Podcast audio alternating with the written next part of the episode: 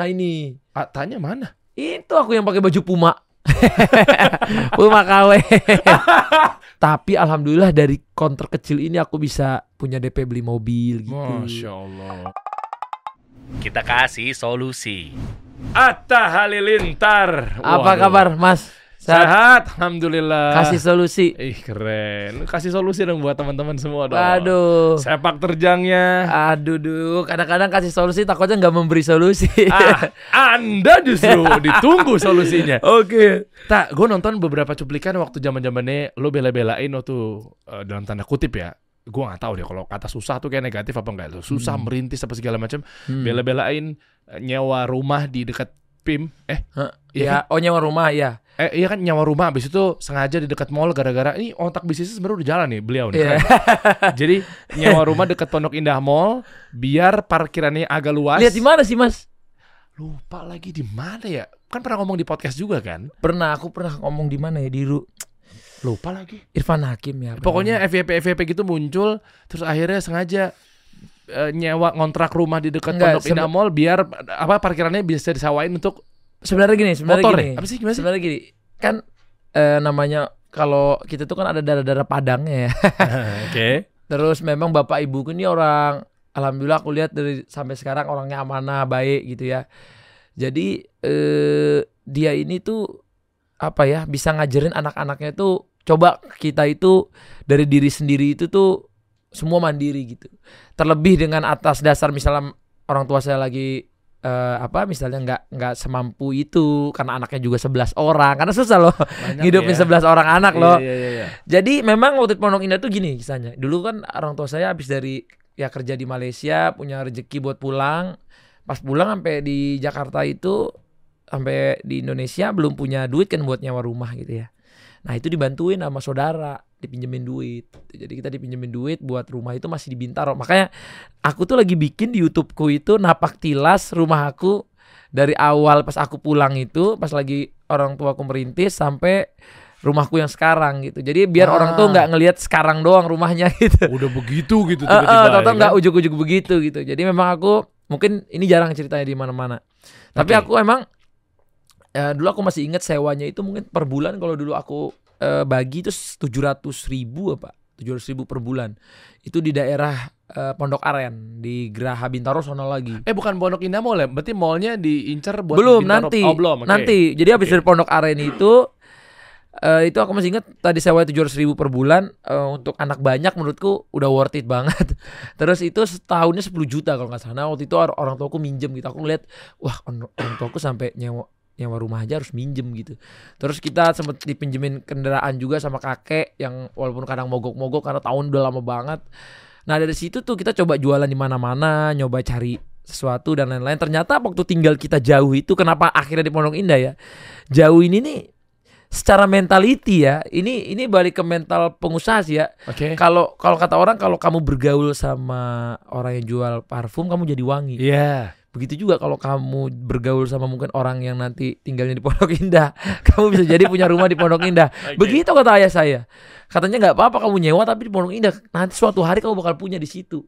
Saya nggak nggak tahu ini terbukti gitu sekarang gitu di umur saya segini. Eh, Waktu saya umur 20-an saya udah bisa punya tanah di Pondok Indah, bahkan punya base camp, punya office gitu semua di Pondok Indah. Saya nggak pernah yakin dulu waktu itu terjadi. Nah waktu dari Pondok Aren itu kan kita coba melebarin, coba usahain usaha itu kan, tapi kan jauh ya mas ya. Hmm.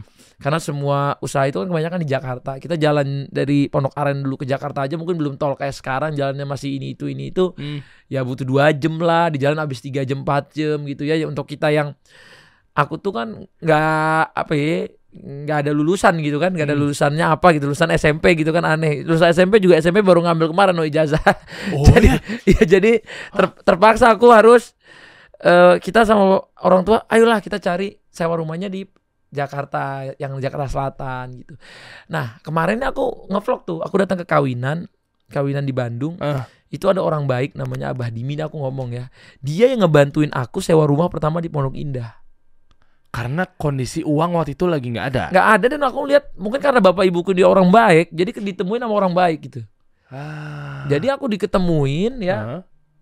diketemuin sama eh, apa sama sama Abah Dimi ini tuh aku banyak di, di akhirnya bisa tinggal pertama di Pondok Indah.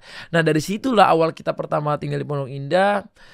Mungkin bisa dipinjeminnya kan setahun gimana nanti tahun depannya kita waktu lanjut nggak minta nggak nggak dibantuin Iya, iya. orang. Eh. Nah di situlah awalnya aku mencari cara gimana caranya bisa da- ada penghasilan Wala- walaupun umur aku belasan tahun gitu ya dengan aku bikin online, bikin kaskus lah, bikin apa, bikin Facebook. Cuman eh, bikin bikin apa lagi ya? Bikin blog, bikin Hah? blog. Hah? Nah terus cuman aku bingung dulu jualan apa ya yang nggak pakai modal. Nah ini aku liatin ya ke Mas ya. Ini Ah, aku belum ada nih. Apa tuh apa tuh? Jadi orang kan suka nanya, nggak mungkin lah Mas Atta, masa ada bisnis nggak pakai modal? Nah ada nih. Emang ada? Jadi gini, Ah. dulu itu kita bisa bisnis nggak pakai modal itu adalah dengan kita itu menjadi apa? Coba kalau sekarang Reseller. reseller, bener Iya, kan? reseller. Reseller nggak pakai modal kan? Enggak lah kan Cuman barang ya tinggal Bener, jual. cuman kita gimana cara jadi marketingnya kan? Iya. Nah, marketing zaman dulu tuh kan nggak ada WhatsApp mas. Iya. BBM aja tuh baru masuk, Heeh. iya kan? Heeh.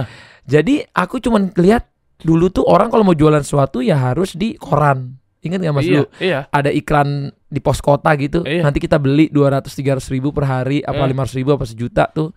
Tergantung berapa listnya nanti kita jual di situ ada yang jual rumah, jual Eh. mobil, jual apa, jual apalah dulu kan ada semua di koran gitu, Eh. ada ada Nah, aku bilang ini mahal. Jadi aku cobalah cari di online. Oh, bisa nih kayaknya bikin website, tapi website juga mahal kan harus beli apa sih domain, hostingnya. hosting. Iya. Nah, aku bikinlah blog awalnya. Sebelum ada vlog itu blog. Ya, oke.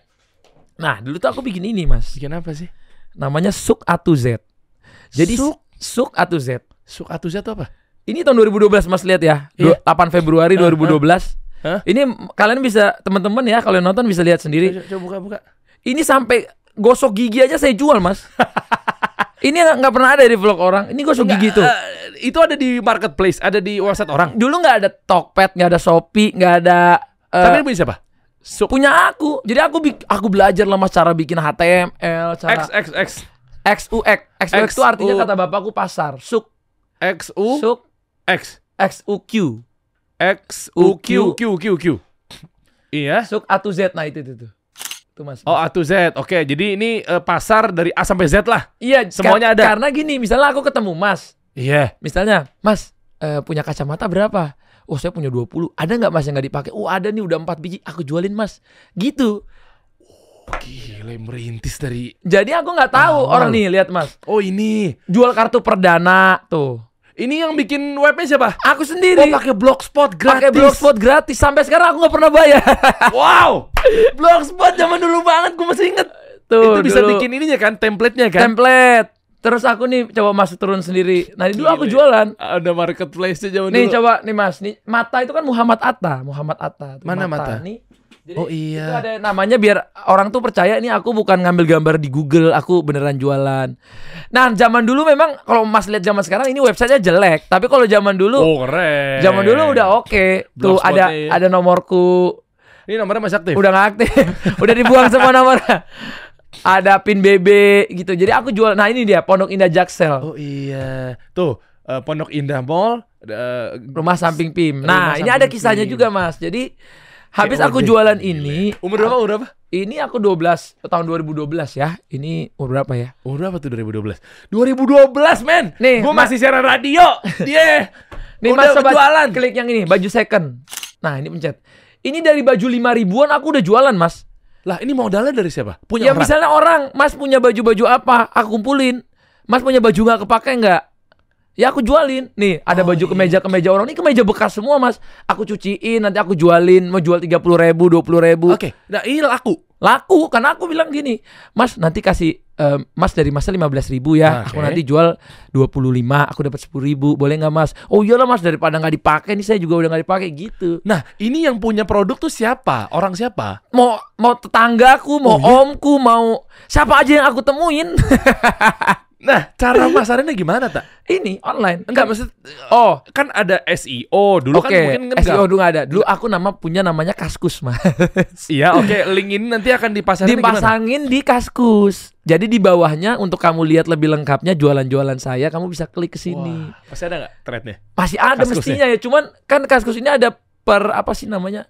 Eh, iya, kayak di Dia di delete lah akun-akun. Iya. Aku semoga masih ada, tapi Coba dulu setahun lalu namanya Mata Suk. Mata Suk M A T T A X U Q. Tapi aku udah Coba. pernah searching sih udah nggak ada ya. Coba Mata Suk Kaskus gitu, Dim. Askus.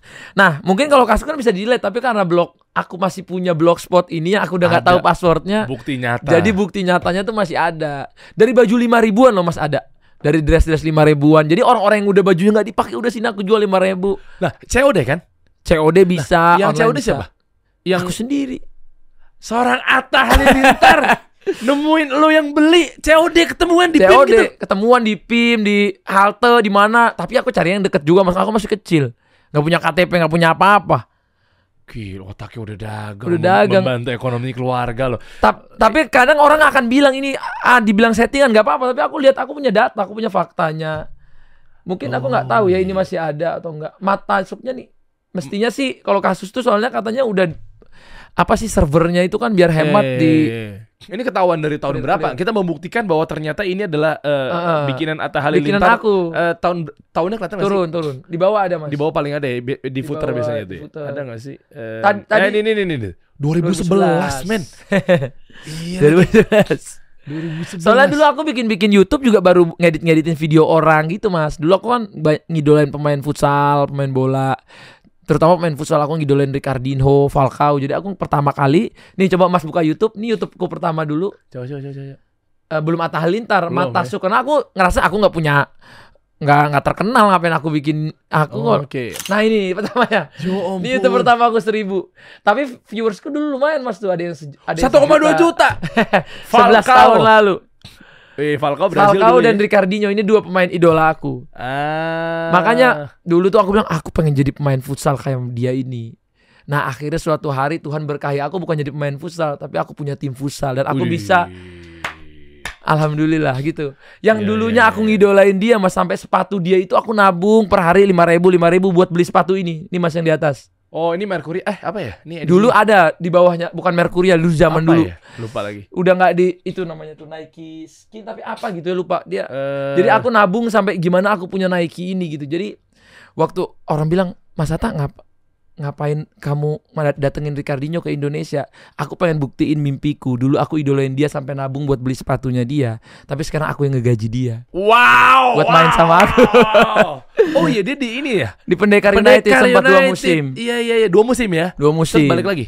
Balik lagi dia main di Liga Champions sekarang. Oh jadi ngambil Ricardinho itu bukan gara-gara skillnya kan? Nah, memang udah umur kan. Tapi skill Tapi- tetap bagus Oh Mas. iya iya iya tapi artinya kan o- orang punya klub itu kan eh, Iya. gimana caranya berbondong-bondong agar eh, dia itu bisa memperbaiki tim kita. Betul. Karena memang mungkin skillnya apa segala macamnya. Kan- Tapi sebenarnya lebih ke impact sih mas impactnya buat dunia futsal di Indonesia gitu karena menurutku Ah. waktu aku eh, akhirnya diberi kemampuan untuk punya tim futsal aku lihat wah ini dunianya nggak akan growth kalau nggak ada icon icon di dunia ini dia lah Messi Ronaldonya Oh, iya. futsal gitu Iya, iya.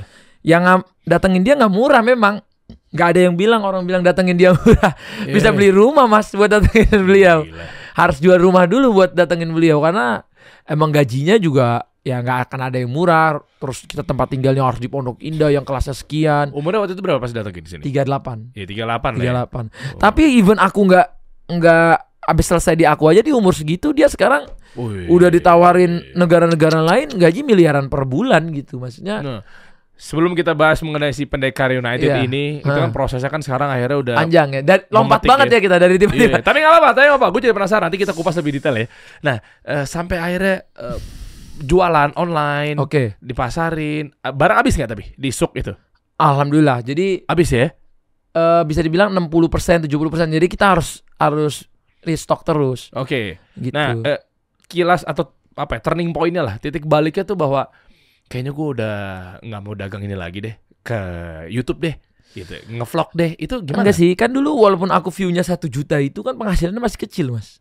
Dulu pada zaman itu. Hmm. Kan KPI orang kalau sekarang mas semua orang ayo iklan di YouTube, di TikTok, di IG Eh, gitu kan, eh. di Facebook apa di mana. Kalau sekarang dulu kan belum ada mindset itu buat brand-brand di Indonesia. Jadi kita dapatnya masih kecil banget. Itu kan terbukti di situ aku 11 tahun yang lalu upload sejuta pun masih ya segitu-segitu aja Eh, belum kayak sekarang gitu. Oke. Belum tiba-tiba ada kasih solusi udah ada brand kanan kiri di TV. Ah, ya. Amin, amin. baru beberapa tahun udah ada kalau dulu mah capek banget mas maksudnya YouTube tuh se Dulu tuh struggle orang yang menurutku youtuber zaman dulu harus di respect. Mereka itu bikin kebanyakan karena hobinya mereka mas, bukan karena Hmm. adsense-nya dulu kalau zaman dulu. Karena memang ya belum ada brandnya gimana kan. Iya, Kadang-kadang Menuang idealisme ke situ ya. Iya kadang-kadang dapat sejuta sebulan gitu kan Maksudnya Hmm. itu juga ditransfer kalau nggak salah dulu per tiga bulan malah pada zaman itu Oke, terus akhirnya jadinya bertolak belakang dari ngomonginnya sport atau futsal apa segala macam. Mm-mm. Terus akhirnya punya channel Atta Halilintar. Oke. Ya, kenapa kan terusin di channel ini?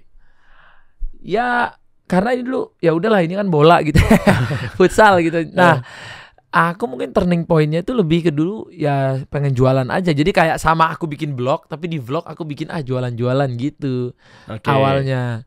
Nah pas lagi bikin eh ternyata seru juga ya gitu. Nah habis itu kebetulan juga alhamdulillah dari aku jualan online terus aku jualan aku tuh upgrade jualan handphone mana ya aku ada handphone ada- jualan. jualan handphone Cina gitu gitu mas. Dahsyat. Ini aku lagi lagi cari blognya ya. Aku inget-inget Iya, dulu nggak ya. nggak apa. Tapi tapi eh, sambil cari tak. Oke, Waktu ini aku itu kan sambil berarti cari ya. kan Lu bantu ekonomi keluarga adik-adik waktu itu lu ngapain? Adik-adik kan ada yang masih sekolah, ada yang apa gitu kan. Aku emang udah berhenti kan dari SMP kelas 1 Oh, kelas 1 kelas bisa eh, mau kelas 2 sekolah putus di sekolah SMP. SMP kelas 1. Karena boleh tahu nggak? Ya, adik-adikku aja eh, SPP-nya belum kebayar, gimana mau bayar aku kan? Kasihan orang tuaku. Aku kan anak pertama. Orang tuaku tuh orang hebat, pernah sempat sukses.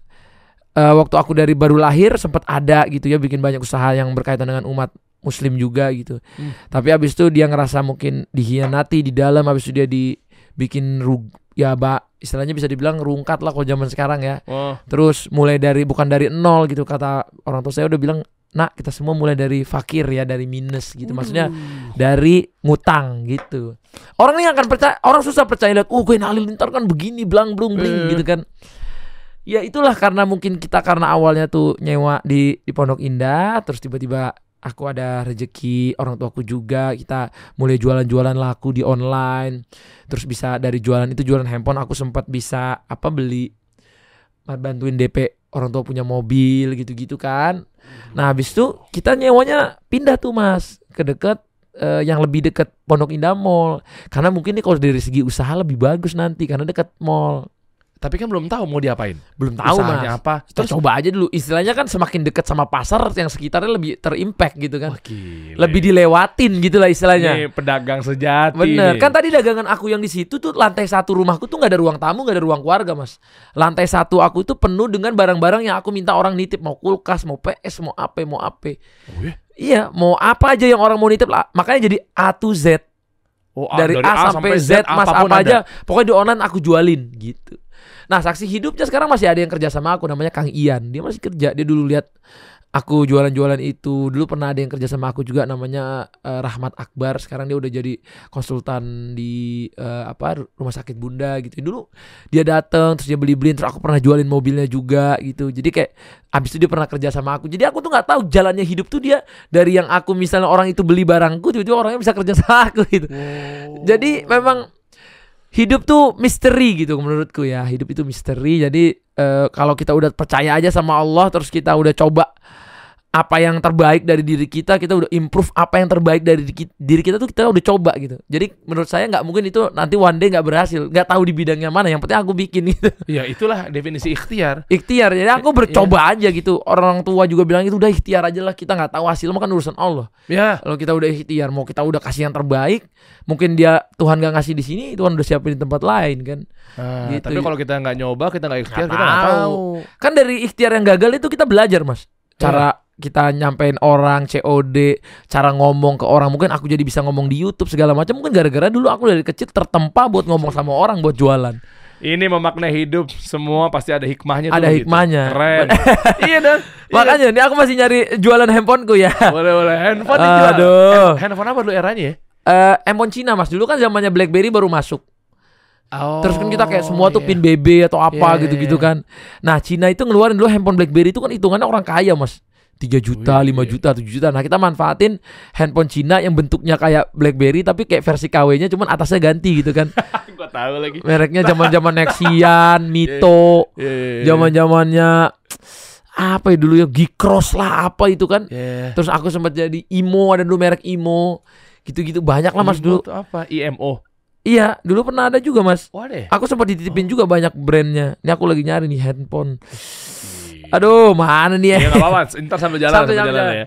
Tapi akhirnya eh, bisa jualan itu terus eh, aku buka counter di Lebak Bulus deket juga di situ. Terus jualan. Nah, tapi gimana caranya dibuka counter bisa, tapi Pondok Indah juga aku nanti rumahnya bisa upgrade gimana caranya? Akhirnya di rumah kan harus menghasilkan, Mas. Selain online. Nah, aku ngeliat tuh orang tuh setiap pulang pergi tuh kan karyawan Pondok Indah Mall tuh banyak. Nah, aku bilang nih peluang nih.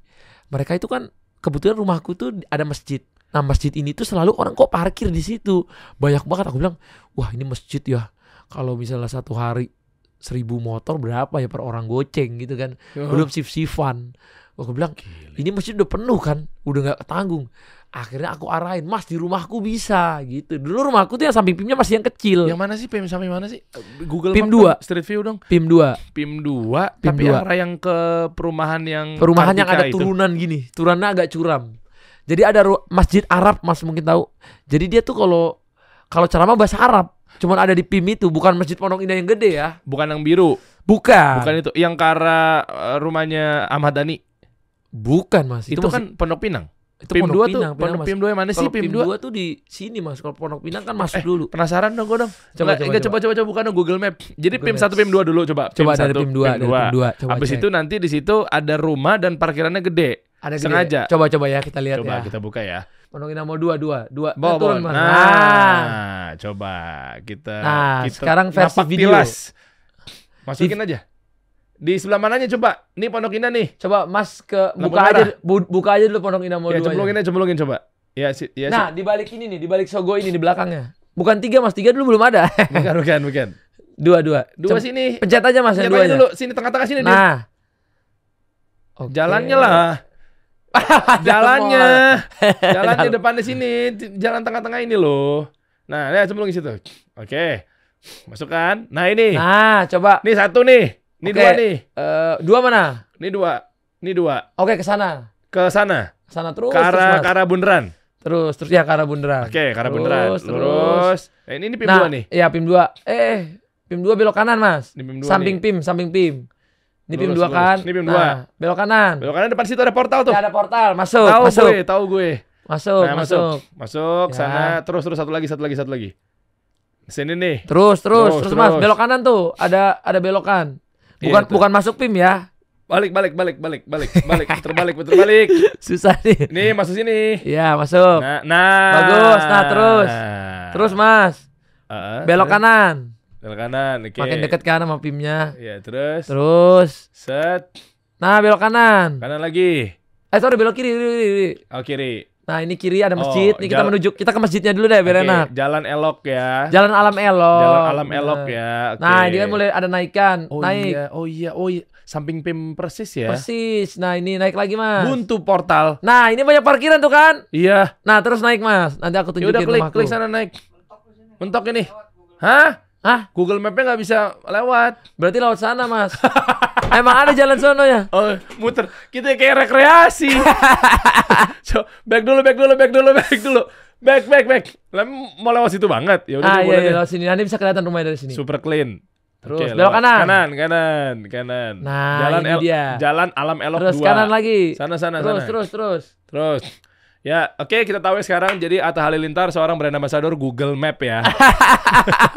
Semoga Google bayar. Eh, ini ke mana Mas? Salah Mas, salah Mas. Kelewatan. Bukan, bukan nih. Udah, udah masuk gang. Ini di- dia masih di jalur gede. Tadi mana jalan gede? Mana Dim? Ke mana tadi? Lurus, lurus, lurus coba. Eh, bukan. Ini mah ke taman tadi lagi kan? Ah, Iya nggak sih? Balik, balik, balik arah, balik, balik. balik. Oh, ini Balik, taman. Saya suka Ba- balik arah, balik arah. Balik arah. ya. Oh, Balik suka arah. di sini ya. Balik arah. Ah, Nah. itu tuh mentok-mentok Mas. Mentok tuh sana ya. Mentok-mentok. Nah, ke situ. Ini pokoknya rumah dari ujung sini, ujung sini Atta bisa belilah pokoknya. Oke, lurus. Enggak.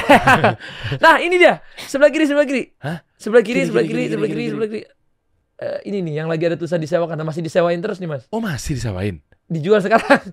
ini nih yang sebelah kanan, Mas. Nah, ini yang ada. Oh, Ah, ini, ini. ini dia oh, rumah. Ini. Ini, Mas. Nah, masjidnya mana masjidnya? Masjidnya di atas. Eh, bukan yang ini, Mas. Nah, ini naik ke atas masjid. Lurus, lurus, lurus. Ini Sini. ini Mas sebelahnya Ini, ini, ini, ini, ini. Nah, ini. Ini, yang tulisan dijual ini. dijual ini, dijual dan disewakan Mas sampai sekarang, Mas. Ini dulu aku nyewa rumah di sini akhirnya. Berapa setahun di sini? Di Sebulan? sini waktu di sana kan udah 50 5 juta per bulan, 4 juta ya. 4, kalau 50 juta per tahun Lima itu berarti, per bulan 60 berapa? juta. Setahunnya 60 juta. Nah, ini ini 5 juta per bulan. Iya kan kalau setahunnya berarti 60, 60 juta. 5 kali 12. Bener. Jadi di kanan dan kiri ini dipenuhin motor, Mas. Kan ini buat ada car park mobilnya. Oh, buat karyawan Pondok Indah Karyawan Pondok Indah Mall. Nah, kalau mau ke PIM lewat mana jalan? ini kanan langsung jalan. sana. Ini naik atas ini PIM. Coba Dim. Belok. Oh, langsung naik ke sana tuh PIM ya? PIM oh, ini tuh PIM iya, kan? PIM. Eh, gitu. Jadi aku nutupin nih Mas sewa ini dari dari sewa motor Kenapa listrik. ini nggak laku-laku? Nah, Ya rumahnya udah tua banget Mas. Kalau orang ya? datang juga kelihat Oh. emang mur- masih murah waktu itu. terus nggak pengen ada napak tilas beli rumah ini biar untuk mengenang masa lalu. Eh, Kan enak kan kalau ngobrol sama Atta sekarang beli aja tak gitu. amin, amin. Nanti semoga ya. Nanti baru gitu ini makasih idenya loh. Eh, tolong komisi buat saya ya, pemilik rumah ya. ini di atas PIM Mas. Oh. Nah, coba Mas naik lagi di situ. Aku pernah akhirnya dari usaha-usaha online itu aku buka burger di sampingnya nih Mas samping PIM. Mana? Oh, Coba iya. naik Oh, iya, lagi. ini PIM ya. Langsung Ke ada kiri, pintu ke kecil kiri. buat karyawan ya. Nah, ini masjid Mas kanan. Mana sih? Itu masjid kan? Oh, oh, Itu oh masjid. masjid itu. Masjid itu. Nah, di kiri aku buka burger buat karyawannya makan siang. Gitu. Di masa tahun itu di yang tahun sama. itu ini. Tapi aku sewa terasnya doang coba Mas maju. Nah, ini rumah ini ini rumah punya orang punya eyang sama oh ke, ke, ke- kecepatan Mas. Kelewatan, kelewatan. Nah, itu tuh yang ada jualan tuh sekarang. Yang ini. Nah, itu tuh itu tuh yang setting aku Mas yang beli atas eh Iya, oh, iya. oh, ini. Nah, itu tuh yang kedai ini. Yang ini kedainya. Itu catnya catnya juga masih aku yang ngecat dulu. Pink ini. Warna merah Eh, dulu merah warnanya ya. Oh, warna jadi merah. pudar ya. Udah pudar. Warna Jadi- hitamnya merah hitamnya karena aku dari dulu suka warna hitam sama merah. Ah. Ini karpot-karpotnya dulu yang ngecat Atta Halilintar nih ya. sama adekku. Oh, Sama tim-timku gitu. Laku burger buka di sini. Aku burger, jualan jajanan lah. Minuman kayak bubble apa pokoknya orang mau nongkrong kopi-kopian gitu. Oh, bertahan berapa lama usaha di situ bisnisnya? Ya cuman waktu itu kita kena balaknya eh bala bukan bukan itu ujiannya Heeh. kan PIM yang sebelah itu bangun mas jadi ini tuh ditutup jadi bertahan ini cuman setahunan lah Oh, karena begitu ditutup nggak ada akses. nggak ada akses orang nggak jalan nggak ada yang beli Tapi kan dari tukang-tukang situ kan bisa mampir. Cuma tukang nggak makan burger juga. nggak ya? makan burger Iya, mestinya aku buka kan warteg kan, cuman warteg. waktu itu warteg masaknya yang susah aku nyari orangnya kalau burger kan aku masih bisa masak sendiri Oh. cepet gitu kan karena Iya, iya, iya. Torik bisa adekku terus apa adekku bisa ganti ayo dong tolong jagain dulu apa gitu Oh, yang bantu waktu itu siapa ya? In charge di sini. dulu aku eh, Sajidah dua adekku Hmm. Torik gitu Hmm. bertiga nanti kapan jadi kalau ada jadwal ganti-gantian terus kita sempat punya eh, apa yang orang kerja satu gitu Oh, Oke, itu 2013. Eh, lupa ya tahun berapa. segituan deh. segituan segituan Itu YouTube belum ada tuh ya channel Atta, Atta Halilintar ya? belum belum, Belum ada eh udah ada tuh channel yang tadi Yang mata mata, mata sub sub itu. nah channel Atta Halilintar itu berdiri Nah, dua tahun setelah itu Nah, boleh tahu nggak? Selama dua tahun ini aku itu. lihat ya aku takut salah ngomong Iya, iya, iya. aboutnya dulu Coba, coba, coba. Coba ya kita lihat ya Bismillah Dua tahun loh. Gue penasaran sih selama dia buka di samping PIM itu usaha Uh-uh. kecil-kecilan apa segala macam. Heeh. Terus menuju dua tahun dan titik baliknya kok bisa tiba-tiba boom. Itu dua tahun tuh ngapain tuh tak sampai akhirnya punya channel tuh. Bertahan Nah. hidupnya lah. Awalnya gini, aku tuh kan sama keluarga tuh rame ya. Terus bikin buku mas, bikin Oke. buku namanya Gen Halilintar nih aku liatin ke mas ya. Coba, coba, coba. Oh. Jadi aku tuh bikin buku sama keluarga. Kenapa buku? Ya menurutku buku tuh, eh mamaku tuh penulis soalnya suka nulis. Oke, dan ngangkat kisah keluarga. Kisah keluarga gimana sih 11 orang. Dulu kalau kita ke mana-mananya ribet-ribetnya gimana gitu. Tapi dulu mungkin kisah itu belum jadi buah ini mas, Apa bukunya? bukunya gitu. Coba, coba. Jadi waktu aku di Pondok Indah itu sebelum aku bikin YouTube, sebelum bikin buku, akhirnya kita segala macam sejak di Pondok Indah itu ya. Segala macam hal tuh kita coba, Mas. Dari bikin tadi burger lah, jualan crips lah, jualan cendol lah di situ, bikin online jalan, handphone, terus buka toko kecil di Lebak Bulus, bikin jualan handphone. Coba Mas tulis Ata jualan handphone adanya. ya. Atau jualan handphone. Oh ini nih Ada, kesebelasan Gen Halilintar. Benar. Ini sebelum buku dulu nih Ata jualan handphone coba Oke. ya. Nah habis itu coba buka travel juga kayak Mas gitu, apa jadi Ah. tour guide tour guide, bawa-bawa jemaah gitu ke mana ke Uzbekistan ke mana gitu. Jadi kita apa ya apa lebih kayak bapak saya itu selalu ngajak apa aja lah bikin. Coba image Mas image. Didikan orang tuanya. Didikannya apa aja gitu. Mas. Dagang cen apa cendol ya? Apa aja. Nah ini aku ja- Hah? jaga counter HP-nya di sini. Yang ini nih. Nah ini Ah, tanya mana? itu aku yang pakai baju Puma. Puma KW. Oh iya, ini konter handphone di mana tak? ini di Lebak Bulus. Nyewa. Nyewa. Dulu aku jualan dari jualan online kan orang nggak akan percaya mas kalau nggak ada tempat COD-nya. Oh iya. Jadi kalau nggak, uh karena terlalu banyak waktu itu yang nipu melalui online kan orang dulu belum ada polisi polisinya kayak gimana gimana belum ada kayak sekarang tuh e-commerce tuh udah lebih aman gitu loh ada yang menjamin KTP semua udah difoto. Kalau dulu kan cuma nyantumin nomor HP orang ketipu. Jadi aku bikin di sini dari yang barang nitip-nitip banyak nitip sama aku ini cuma segini doang kontorku mas duduknya di samping juga nggak ada tokonya cuman buka boot aja tapi alhamdulillah dari konter kecil ini aku bisa DP-in orang eh, keluargaku bi- punya DP beli mobil gitu Masya Allah. dari konter kecil ini terus aku bisa sewa di Pondok Indah tadi yang ada parkirannya Ah. gitu. Terus di sampingnya abis itu aku punya tempatnya sewa rumahnya dua mas. Di sampingnya tadi yang rumah kecil itu di sampingnya ada yang lebih gede warna putih. Aku rumah aku target ini nih parkir lebih gede karena garasinya ada yang masuk bawah gitu. Gile. Jadi sengaja sewa rumah dekat po- eh, di belakang Pondok Indah Iya. Mall, samping lah ya. Bener. Biar apa tujuannya? Biar pegawai-pegawai yang kerja di Oh, tenan-tenan Eh, atau makin sih? banyak. Jadi hitungannya ba- kita oh. bayar oh, apa uang rumah udah aman sewanya. Udah aman dibayarin sama orang sewa parkiran. parkir motor. Terus yang listrik kita dari usaha-usaha gini kelihatannya aku kayak orang kaya mas punya dua tiga rumah di Pondok Indah semuanya parkiran. semuanya Iya, sewa mas. Tapi it's about eh, itulah makanya kalau aku percaya kata bapakku kalau kita bergaul sama orang minyak wangi, wangi jadi wangi. Kalau kita gabung sama orang Pondok Indah jadi kelihatannya kaya juga mas. Wak- Iya, o- oleh karena itulah waktu itu kita bikin ayo kita mulai bikin YouTube, bikin apa, bikin apa bikin beluku. Terus kita udah fotonya di rumah Pondok Indah, udah gini, udah gitu, gitu mas awalnya. Padahal ngontrak. Padahal ngontrak semua nggak ada yang punya, makanya orang bilang nggak mungkin Gen Halilintar tuh miskin karena dari awal aja kok Pondok Indah karena kan emang kita baru bikin video tuh pas rumah kita bagus mas, malu kalau nggak. Karena gini, basically aku udah meresearch orang itu nggak suka lihat orang susah yang ditonton gitu, basically. Itu itu research mas dulu aku bikin Iya, research. iya. Makanya rame tuh ketika pamer-pamer Oh, ini lah, oh, pamer-pamer itu. rame. Jadi kalau nggak nggak masuknya di situ nggak bisa. Makanya dulu aku bikin konten gerbek rumah. Aku mikir kalau orang sukanya kemewahan, orang tuh nggak akan pikir dia itu dulu suksesnya kayak gimana. Misalnya mas kayak mas kasih solusi. Kan di sini banyak banget nih inspirasi orang cerita tentang bagaimana dia awal mulai bisnisnya. Nggak semuanya gede dong mas. Iya, iya. Iya. Nggak nggak kayak misalnya podcast sama cewek-cewek, podcast Iya, sama yang bahas isu-isu gosip sekarang gitu kan lebih gede gitu kan mas. Iya, iya, iya. Kenapa? Karena sebenarnya basically orang tuh nggak terlalu suka sama Edukasi proses belajar. orang, edukasi orang Iya. belajar capek orang karena di hidup ini kan udah capek tambah capek gitu ngeliat. Ah, oke. Tapi kalau kita kemasnya dengan oh yang di, yang orang suka tuh apa sih?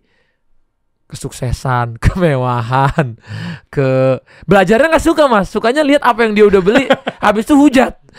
ah, iya, iya, iya. Apa orang itu udah beli hujat, dia suka lihatnya hujat gitu. Akhirnya aku bikin acara gerbek rumah, di dalam itulah aku kemas podcastku gitu. Di dalam gerbek rumah itu gimana sih dulu kamu awalnya ininya? Karena aku udah mengkonsep di diriku, oh ketika aku susah tuh nggak ada yang nonton. Ah, kita harus sewa yang rumah lebih gede untuk kita nge-YouTube gitu. Lah, YouTube kan di rumah orang. Kenapa harus rumah yang gede yang kita sewa? Buat apanya? Buat ya ngontrak biar bagus kontennya kan. Oh, Jadinya secara visual. Secara visual jadi gede. Kalau misalnya kecil mentok di sini doang, ada saya rame-rame misalnya, jadinya jelek mah. Gak ada yang nonton. Kita harus secara branding, makanya kayak foto iya. Gen Halilintar itu kita harus pakai bajunya hitam-hitam, jaket segala macam. Ya mau nyewa baju kek, mau apa kek. Gitu, Yang visual penting branding dan visual seterusnya. branding tuh penting gitu. Nggak bisa kita gini. Kalau orang bilang kan eh, apa? Coba lihat Mark Zuckerberg, coba Hmm. lihat Jeff Bezos. Dia sta- sa- apa eh, sederhana aja kok bisa kayak gitu. Karena dia Jeff Bezos, karena dia Mark Zuckerberg. Karena orang udah tahu dia gimana, nggak usah dikasih tahu lagi. Dia nggak usah pakai bajunya apa, mobilnya apa, udah nggak Oke. usah dikasih Nah, tahu. Ini trik untuk orang yang mungkin bukan siapa-siapa sehingga eh, sangat berpengaruh ketika dia mau tampil di sebuah acara visual Betul, diperhatikan. visual. Contoh, contoh. Oke. Misalnya kita punya guru, mas. Hmm, Gurunya ini datangnya naik naik ya sederhana lah. iya, iya. tapi ngajarin eh, gimana sih cara kita sukses maju dalam hidup. Aduh, kamu mah di- dibilangin gini, aduh gurunya aja begini, gimana kita mau sukses? gitu kan? tapi coba lihat orang yang datang nih, ini adalah kita kelas bisnis. Padahal yang datang Hmm. naik apa misalnya Alphard Iya, atau iya, naik iya. Rolls Royce atau Iya, apa, turunnya aja siap pak, siap mas silakan mas ke atas padahal belum tentu yang tadi datang naik mobil butut siapa tahu lebih kaya mas Oke. di situlah yang aku lihat tuh kita sebelum ngajarin orang orang harus lihat dulu kita siapanya baru dia Sehingga mau percaya. sehingga percaya kita mau jualan apa dia harus lihat dulu brandingan kita dia Ah. percaya nggak sama kita mau jualin sesuatu gitu Oke. itulah awalnya jadi kalau kita mau bilang bikin konten YouTube kalau dia lihat oh ini orangnya kuring nih ya.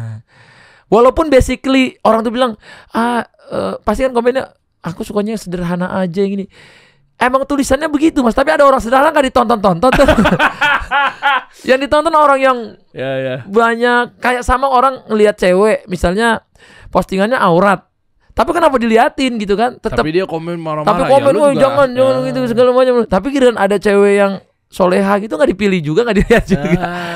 Gitu juga istilahnya ya begitulah. Ya, itulah strategi ketika di eh, dunia ya. Iya iya oke. Eh, strategi gimana caranya gue bikin konten vlog tapi, Tapi menarik. menarik makanya grebeknya rumah orang. Rumah orang dulu. Rumah sampai orang. akhirnya rumah kita gede. Kita akhirnya dari dua rumah yang tadi kita sewa lagi yang agak besar mas. Alhamdulillah. Udah bisa yang tadinya cuman carinya dari 700 ribu yang di Pondok Aren terus di Mhm. Pondok Indah tadi dari 3 juta yang tadi yang sebelumnya yang dibantuin orang terus baru yang parkirnya 5 juta per bulan nah akhirnya kita udah upgrade nih mas Hmm. udah sewa yang bisa 15 juta per bulan. Nah, itu ada kolam renangnya. Di situlah awalnya kita banyak bikin kontennya di rumah itu. Nah, pas kita di rumah itu semua orang datang ke situ, Mas. Selebriti, AP, AP datang di situlah connection getting bigger. Eh, gara-gara apa datangnya gara-gara Gara-gara ada bu- keluarga 11 11 orang, orang. unik dan memang di rumah itu dulu ya emang hebat sih orang tuaku ya. Jadi kita itu bisa gitu ada punya piket masing-masing gitu. Jadi misalnya adekku yang nomor dua itu cuci baju, aku itu all general cleaning. Kalau Torik itu masak nasi sama bersihin toilet. Kalau Sajida itu masak gitu. Jadi orang Hmm. tuaku bikin itu plot-plot kerjaan itu. Nah yang nomor 5 nomor 6 jagain adek kayak gitu-gitu. Jadi waktu ngeplotin itu ya di situ jadi viral juga mas karena memang itu Oke. tapi terjadi di rumah kalau orang bilang kok bisa sih mas anak itu? Coba kamu caranya adalah punya anak dulu 11 pasti nanti terjadi. Karena susah dijelasin kalau punya anak satu Iya, dua. iya, iya. Susah, dan, Mas. da- dan efek eh, komunal atau komunalisme tentang rame-rame rombongan itu kan viralnya Gen Halilintar kan di situ betul kan? karena memang rame gitu loh mas. Ramean ya? Heeh, walaupun channel Atta Halilintar lebih duluan dari Gen Halilintar tapi aku fokusin gimana keluarga ini kayak kita bikin cover Gen eh, One Big Family sama kita pengen coba menginspirasi kalau di keluarga banyak nih kalau kita solid nggak semua orang loh kalau eh, apa ya kalau punya anak banyak tuh bis nggak bisa berhasil gitu loh Hmm. kan banyak tuh dulu itunya kan kepercayaannya Stigma, gitu stigmanya. stigmanya oh dua Hmm. anak lebih baik lebih bener Iya, lebih iya, itu lebih itu ya kita pengen coba membongkar itu sih maksudnya kalau misalnya kalau Tuhan kan u- Nabi Muhammad suka umatnya yang banyak walaupun sekarang anak saya juga nggak mau banyak. Tapi namanya orang tua saya begitu kan saya, saya komplain ke orang tua saya kenapa paling banyak? Enggak karena di situlah berkahnya dari keluarga Iya, Gen Halilintar. Iya. gitulah mas. Jadi aku bikin Gen Halilintar nanti misalnya seminggu ngeditin Gen Halilintar tiga empat hari satu harinya ngeditin penyaku gitu. Oh editornya cuma satu ya? Aku. Kalau Oh, dulu kan oke. aku ngedit video semua aku sendiri kreatif. Terus aku jual-jualin acaranya ke TV mas. Jadi aku nyamperin tuh ke semua TV kayak mau Trans 7 Trans TV sampai TV Jak TV dulu ya. Apa kayak TVR ya aku jualin lah. Mau nggak mas? Kita bikin reality show bareng 11 anak ya. Seru nih nanti kalau jalan-jalan ke luar negeri gitu-gitu. Nah akhirnya aku dapat dealingnya itu sama Trans TV barulah akhirnya keluarga Gen Halilintar tuh keliling dunia mas. Aku dapat Ah. dapat ke luar negeri. Oh akhirnya dapat nih dealing sama TV nah gara-gara nyewa rumah itu udah gede banyak TV datang karena 11 orang anak terus eh apa akhirnya kita bisa ke luar negeri terus ya di luar negeri itulah kita syutingnya banyak dan dijual ke waktu itu Trans 7 Trans TV gitu. Gile. Emang dari awal kalau gue perhatiin ya ternyata mindset dagangnya, dagang usahanya, lihat peluangnya. sebenarnya iya Iya. itulah makanya kalau orang bilang tuh sebenarnya mental untuk mengambil peluang itu lebih penting mas daripada kita cuman kerja keras doang karena Hmm. kalau kerja keras tapi nggak punya mental yang keras tuh susah mas Oh, ini nyambung nih analoginya. Gue jadi ingat satu kisah atau ilustrasi yang orang berkata kayak gini. Dia mah eh, enak, sedekah udah banyak karena uangnya banyak. Lihat aja nih, aku nih ibaratnya nanti Iya. kalau aku kaya, tau gak sih kayak gitu-gitu? Iya iya iya iya. Ya, kalau gua kaya, gua akan sedekah kayak begini. Kalau gua Bener, kaya, gua akan bener, berangkatin satu komplek tuh umroh. Kalau gua kaya, Kalau nah ya itu kan poinnya kan. Artinya dia tuh kayak eh, dia mau kaya, mau langsung tiba-tiba berak hartanya. Tapi ngambil peluang aja enggak. Iya Ya kan poinnya bener. itu kan. Ya Karena kan se- tunggu gua kayaknya, tunggu gua bener-bener udah eh, oke eh, Allah titipin usaha, gua Heeh. bisnis baru gua maintain ntar bisnisnya. Nah itu biasanya Iya kan? kaya-kaya man. Karena Biasanya kaya-kaya, nggak kaya-kaya. ya. Karena iya. biasanya itu gimana ada peluang sekecil pun kamu sedekah itu jadiin kamu kaya di kemudian hari karena nggak bisa Tuhan itu ngebayarnya di hari itu siapa tahu Tuhan ngebayarnya lima tahun lagi 10 tahun lagi kita Hmm. jangan harapnya gitu gitu makanya itu aku dulu ingat gitu ya aku dulu waktu punya tabungan aku pisahin tuh mas. Ada tabungan bulanan tabungan tabungan masa depan sama tabungan akhirat. Nah tabungan akhiratnya harus diisi. Nanti per tabungan akhiratnya harus ini yang menurutku membuat aku sukses sampai sekarang. Itulah tabungan akhirat itu. Ya terserah. Ntar nextnya mau bikin masjid mau bikin pesantren mau bagi-bagi ini menurutku kunci ya kalau orang bilang kuncinya apa? Sukses salah satunya mungkin ini karena aku sebenarnya kalau aku bilang kontenku bagus banget juga aku ya receh-receh aja gitu kan. Kalau aku bilang aku eh, apa ya eh, terlalu bagus menginspirasi banget juga aku nggak ngerasa itu tapi aku punya tabungan akhiratnya menurutku yang menjaga aku dari banyak hal gitu mas Iya, karena ngerasa bahwa ternyata di hartanya Ata ini bukan sepenuhnya milik Ata. bukan punya aku Eh, gitu ada- jadi ada wajib yang dikeluarkan, bener ada zakat seterusnya. ada ada Oh. infak ada sodako menurutku aku selalu siapin tabungan akhirat ini tuh untuk itu gitu Ya, dengan gayanya Ata ya. Dengan pokoknya gayaku lah. Gimana caranya pokoknya biar kita ingat bahwa kita nih nggak serakah nih. Ini Bener, ada punya hak bener, orang di sini. tapi nggak pernah berkurang juga jadi hartanya setiap Oh ya, memang nggak pernah berkurang nggak akan ngurangin kita gitu jadi Oh. itu itu sih yang eh, walaupun cerita kita ke mana-mana ya tadi bahasa Ya, bahasa tapi nggak apa-apa, ini kan nyambung. nyambung nyambung jadi Hmm. serunya sih menurutku kalau kita eh, mau berbuat baik atau mau cari pekerjaan yang bagus atau mau usaha yang bagus, kamu harus jeli gitu lihat peluangnya. Kamu Oke. harus punya mental itu, jangan nunggu lihat dia orang itu udah sukses, orang itu udah kaya, baru bisa sedekah, baru bisa bisnis, baru bisa apa gitu. Iya itu tuh. Nah eh, kalau kita masuk lebih dalam di ranah bisnis ya, Oke. karena sekarang kan banyak eh, beberapa unit bisnis yang dijalani. Alhamdulillah, alhamdulillah. Eh, strategi untuk marketingnya, gue penasaran deh. Kalau memang mental Oke. pedagang nih, gimana cara masarinnya? Akhirnya sekarang ada berapa? Tak brand? Banyak banget ya kayaknya. Alhamdulillah. Ah, sampai Alhamdulillah. klub, klub bola, eh, futsal juga tuh. Futsal. Eh, total total, ingat ya berapa usahanya? Hah? Ada- PT ya, PT ya, Mas. Ya, PT. PT ku aja ada 25.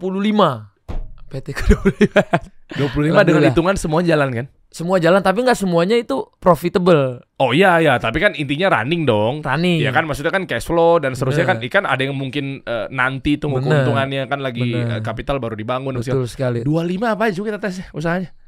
Nah, Aku tuh sama istri juga banyak. Aku kan ada eh, produk-produk kecantikan, aku sama istri oke. ada ya industrinya deh. industrinya kecantikan. kecantikan, industrinya aja ya. Heeh. Fashion kayak jilbab, kayak Oke. baju-baju eh, harian, daily sama istri. Ada kayak pelangsing juga. Terus aku ada eh, kalau di baju eh, streetwear aku ada God Slave. Oke. God Slave itu eh, ke streetwear, ke baju harian aku yang aku pakai gitu God Slave. Budaknya Allah ya, hamba God- Allah. hamba ya. Allah. Keren. Jadi biar ke setiap aku pakai di mana aja aku tahu nih aku nih hamba gitu. Apa sih yang Wih. disombongin gitu.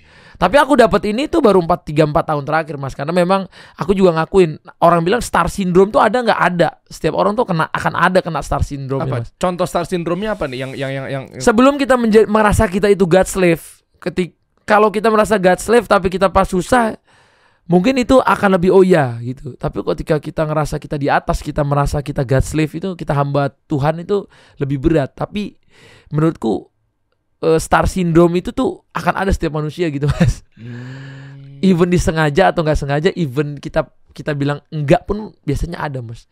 Mungkin karena kita dulu tuh nggak nggak ada, tiba-tiba punya ada itu akan ada tuh rasa-rasa hati Oh, itu iya. kayak wah aku gampang dikenal sama ini, wah aku ini nih, aku bisa nih beli ini gitu. Itu tuh menurutku star syndrome. Dan sekaget apa waktu itu? Eh, Rekening kan berarti kan dari mulai pasti minus ada dong. Eh, nol pasti ada dong rekening. ya dari nol. Dulunya ya. Iya dari dulu. Dari Nol dulu. rupiah ya. Mm-mm. Kan dari aku jualan-jualan itu nggak nol lah Iya. lima puluh ribu, seratus ribu, lima puluh ribu, ribu ada lah. Dari situ. Eh, ratusan ribu ada. Tiba-tiba langsung bam. Bam ya itu Itu apa titik baliknya? Puncaknya di mana? Pas YouTube itu. 2000 2019 kali ya. Apa maksudnya brand YouTube? Semuanya mas, semuanya. Pas Tiba-tiba aku bersamaan. puncak lagi dihujat-hujatnya itu puncak rezeki terbanyakku juga. Dihujat yang mana? Aku kan dulu banyak dihujat juga mas. Alay lah pakai headband, Oh. warna-warni rambutnya. Asiap Asiap itu kan? Asia pakai hoodie ahak mana-mana. Oh. iya. Ahanya juga yang warna-warni gitu loh mas. Kadang-kadang kayak aku dulu bikin desain hoodie itu kayak pol warna itu di sini biru merah pink semua. Ini orang apa sih kata orang itu? Ini niatnya apa kayak udah rambut kayak ayam-ayaman SD. yang mana Tosca biru? kayak badut ya kan. Eh, itu siapa yang konsepin? Saya Oh karena itu bagian dari marketing. uniqueness. Oh. Makanya kalau kita bikin suatu produk, kalau semuanya sama, eh keren.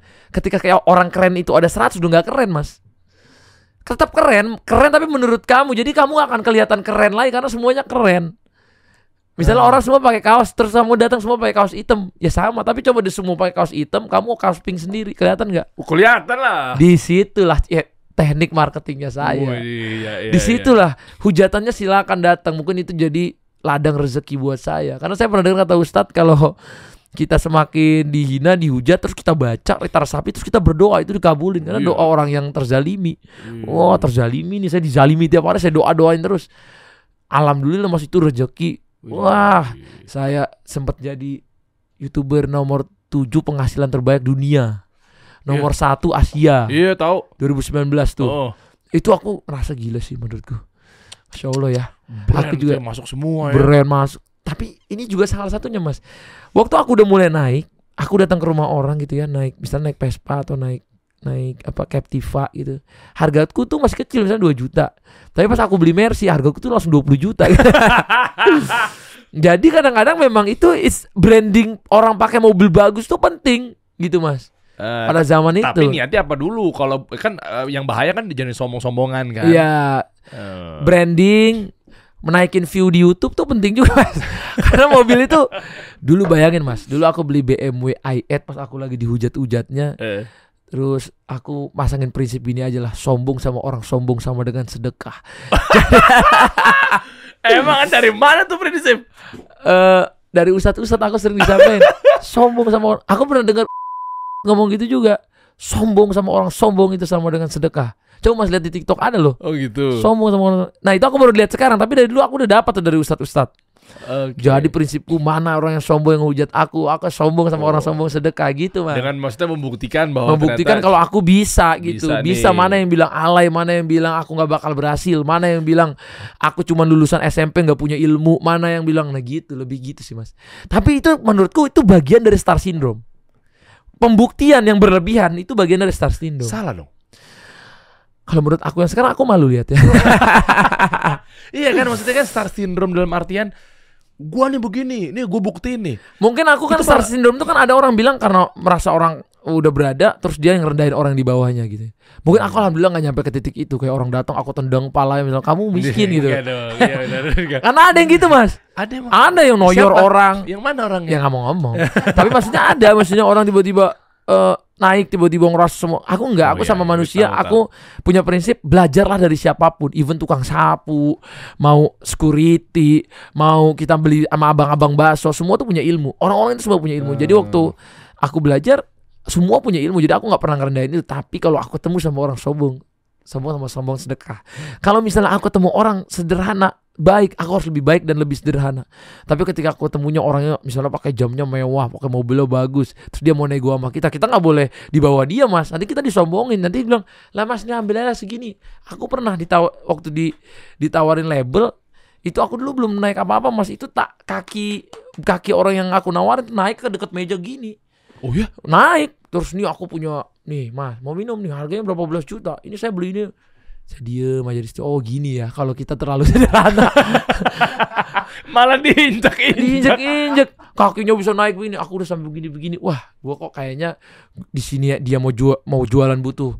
Channel saya kok saya yang diginiin sejak saat itu. Ah. kalau dia apa jamnya? Misalnya eh, hublot. Ya udah saya harus tarik pakai Rolex untuk ketemu dia. Misalnya dia Rolex aku harus pakai apa? Misalnya Epi atau apa. Jadi kita jangan diinjak sama dia gitu Aku mau martabatku sebagai kerjaanku, sebagai aku punya agamanya Islam, aku dealing sama non muslim pun Islam tuh kaya kok. Wih, Gitu.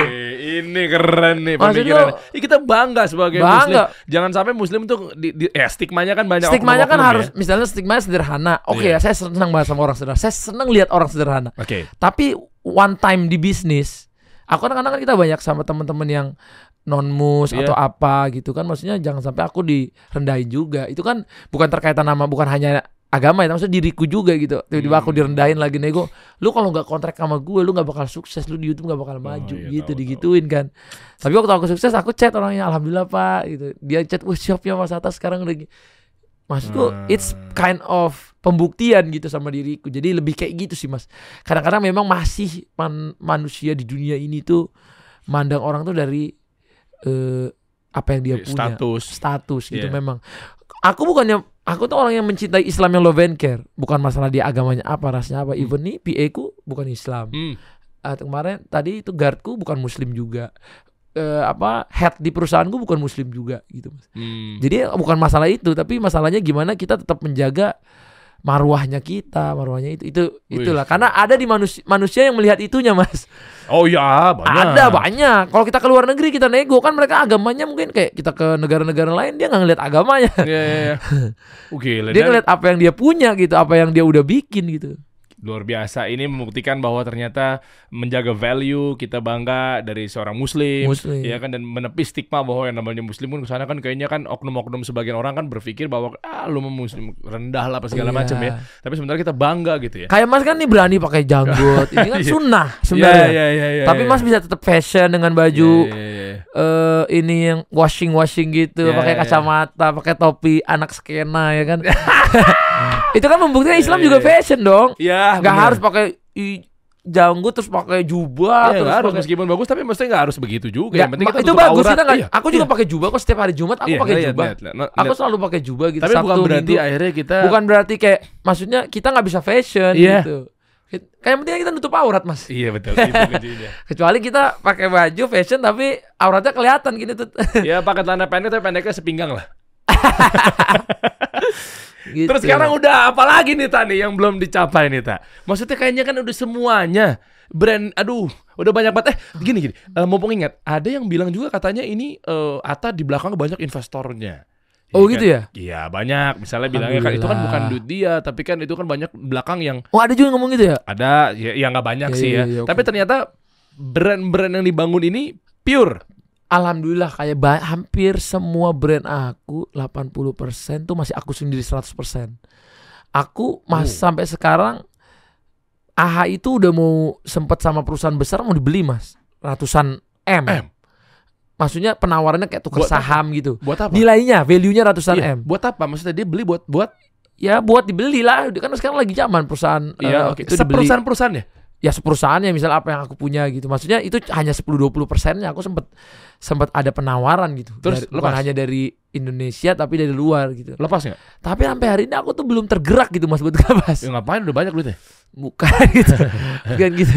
Di atas langit masih ada langit. Iya, iya, Dia- iya. kalau saya banyak masih banyak lebih banyak. Iya, iya. tapi lebih kayak kebebasan aku sih masih kayak aku masih pengen Hmm. bebas gitu sih karena aku masih punya baru punya anak kayak aku pengen masih bebas apa yang aku bikin belum ada yang ngatur belum ada investor yang ngatur-ngatur gitu Hmm. tapi kalau misalnya aku baru bikin bisnis misalnya aku ketemu mas Hmm. mas ayo kita bikin misalnya sarung berdua yuk yuk kita uh, invest sama-sama 50% oke itu namanya kan bukan aku bikin dari awal sama mas gitu Iya, iya, iya. bukan tiba-tiba aku udah gedein apa yang udah aku bikin tiba-tiba nanti harus diatur-atur aku bukannya nolak cuman sekarang aku kayaknya masih pengen coba peace dulu karena di invest punya investor tuh nggak segampang orang kira loh menurutku Iya. karena dia punya KPI yang tergantung investornya mau gimana kapan Hmm. dia harus balik modal waktu jengtang tenggat waktunya ada juga yang jahat kayak misalnya kalau misalnya KPI kamu nggak nyampe segini dari investasi per tahun kamu akan ngelepas sahammu cuma-cuma ke dia gitu kan ada juga loh Ya, masalah gitu ada, ada, ada. Misalnya dia invest 30%, dia punya KPI sekian. Tapi kalau misalnya per tahun nggak nyampe 10% diambil ya per tahun. Hmm. Per tahun ini nggak achieve lagi dia habis 10% jadi 40% diambil 50% Lama-lama habis, 60% ditendang. Toto Toto kita ditendang dari usaha yang udah dibangun kan itu bisa terjadi juga Mas di bisnis. Itu makanya akhirnya wanti-wanti di sini. Wanti-wanti. Tapi Tapi, kalau- ada misalnya usaha-usaha Oke. lain mungkin yang coba aku lepas. Kalau dibalik polanya apa seorang Ata juga pasti eh, nginvest-nginvest di perusahaan Ya alhamdulillah kalau itu ya Ada juga? Ada. Kalau aku malah lebih banyak aku yang invest gitu. Oh, apa? Ngelihat sudut pandang apa sih barangkali sekarang banyak brand-brand atau UMKM Oke. yang melihat seorang Ata ngelihat sebuah brand akhirnya disuntik itu aku gara-gara apa? aku lihat keseriusan kalau aku. Hmm. Dia serius nggak dalam eh, satu bidang. Ri- Serius itu kita bisa lihat dari gimana dia nge-research, gimana dia mencip bikin deck yang bagus terus kita bisa ngeliat tuh oh ini hasil research yang dalam gitu soal Oke. brand yang dia pengen jual. Gimana teknik marketing yang dia planning. Walaupun misalnya dia kerja sama sama aku tapi kalau dia datang kayak tenang lah ada bang Atan nanti bang Atan promo. Nah saya nggak mau tuh kayak gitu. Ah. nggak mau. Berarti kamu masih ngandelin saya. Berarti saya juga Iya. yang mikir. Tapi kalau dia yang datang bang bang Atan saya cuma butuh di sini 10-20% doang. 80% marketing semua saya saya cuma butuh bang nanti pas ini pas ini tapi saya udah siapin di bang campaignnya saya coba ini dia marketing di sini di sini di sini saya akan menggait orang ini nah pas di sini mungkin ada bang nah pas di sini nggak usah bang saya akan siapin per bulan itu berarti dia nge-research bukan Hmm, ngandelin orang Oke. Ya, targetnya dia berarti Targetnya udah tahu udah apa tahu. segala kalau semuanya saya disuruh promosinya mending saya modal sendiri saya bikin sendiri Iya, iya, gitu. juga. apa industrinya yang udah ada kayak gitu? Yang datang kucuk-kucuk-kucuk gitu. Ya mungkin sekarang saya lihat biasanya karyawan saya yang udah lama kerjanya misalnya terus dia pengen jadi pengusaha ya udah nanti saya coba modalin saya Apa? ngeliat dia research Industri. ya apa aja misalnya dia eh, kuliner misalnya clothing line gitu yang Oh. mungkin eh menurutku oh ini dia udah mulai serius di bidangnya gitu karena aku ngeliat tuh sosok sih sosok yang mau bikin itu dia punya ketekunan gimana sih aku kan dulu tekun jadi aku tahu orang orang tekun sama enggak gitu Hmm, Iya, iya, iya.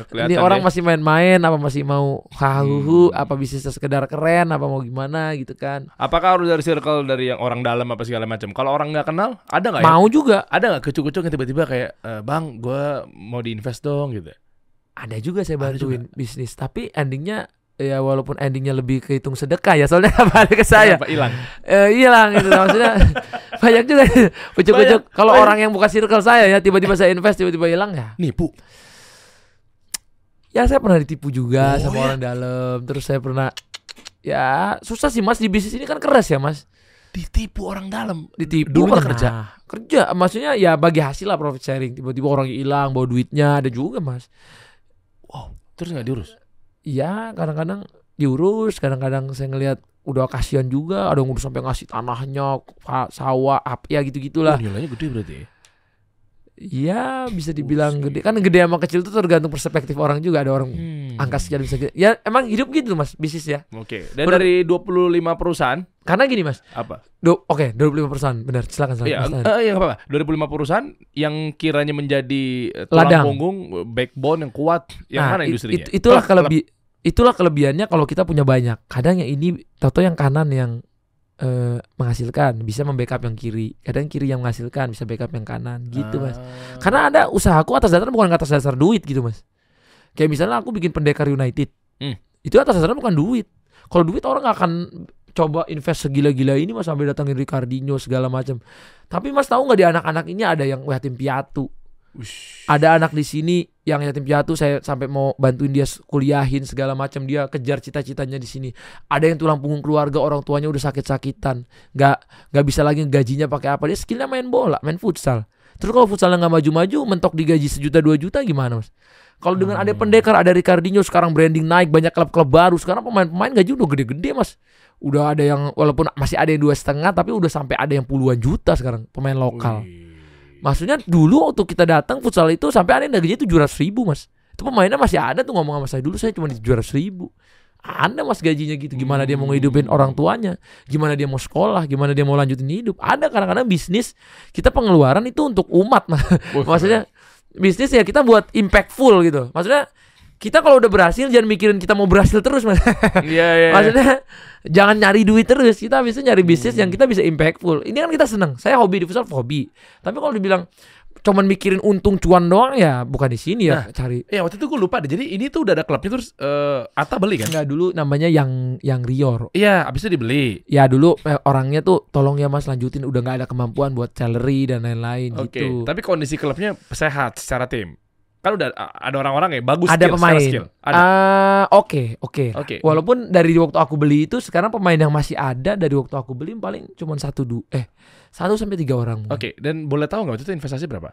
Awal. Belinya si klub itu.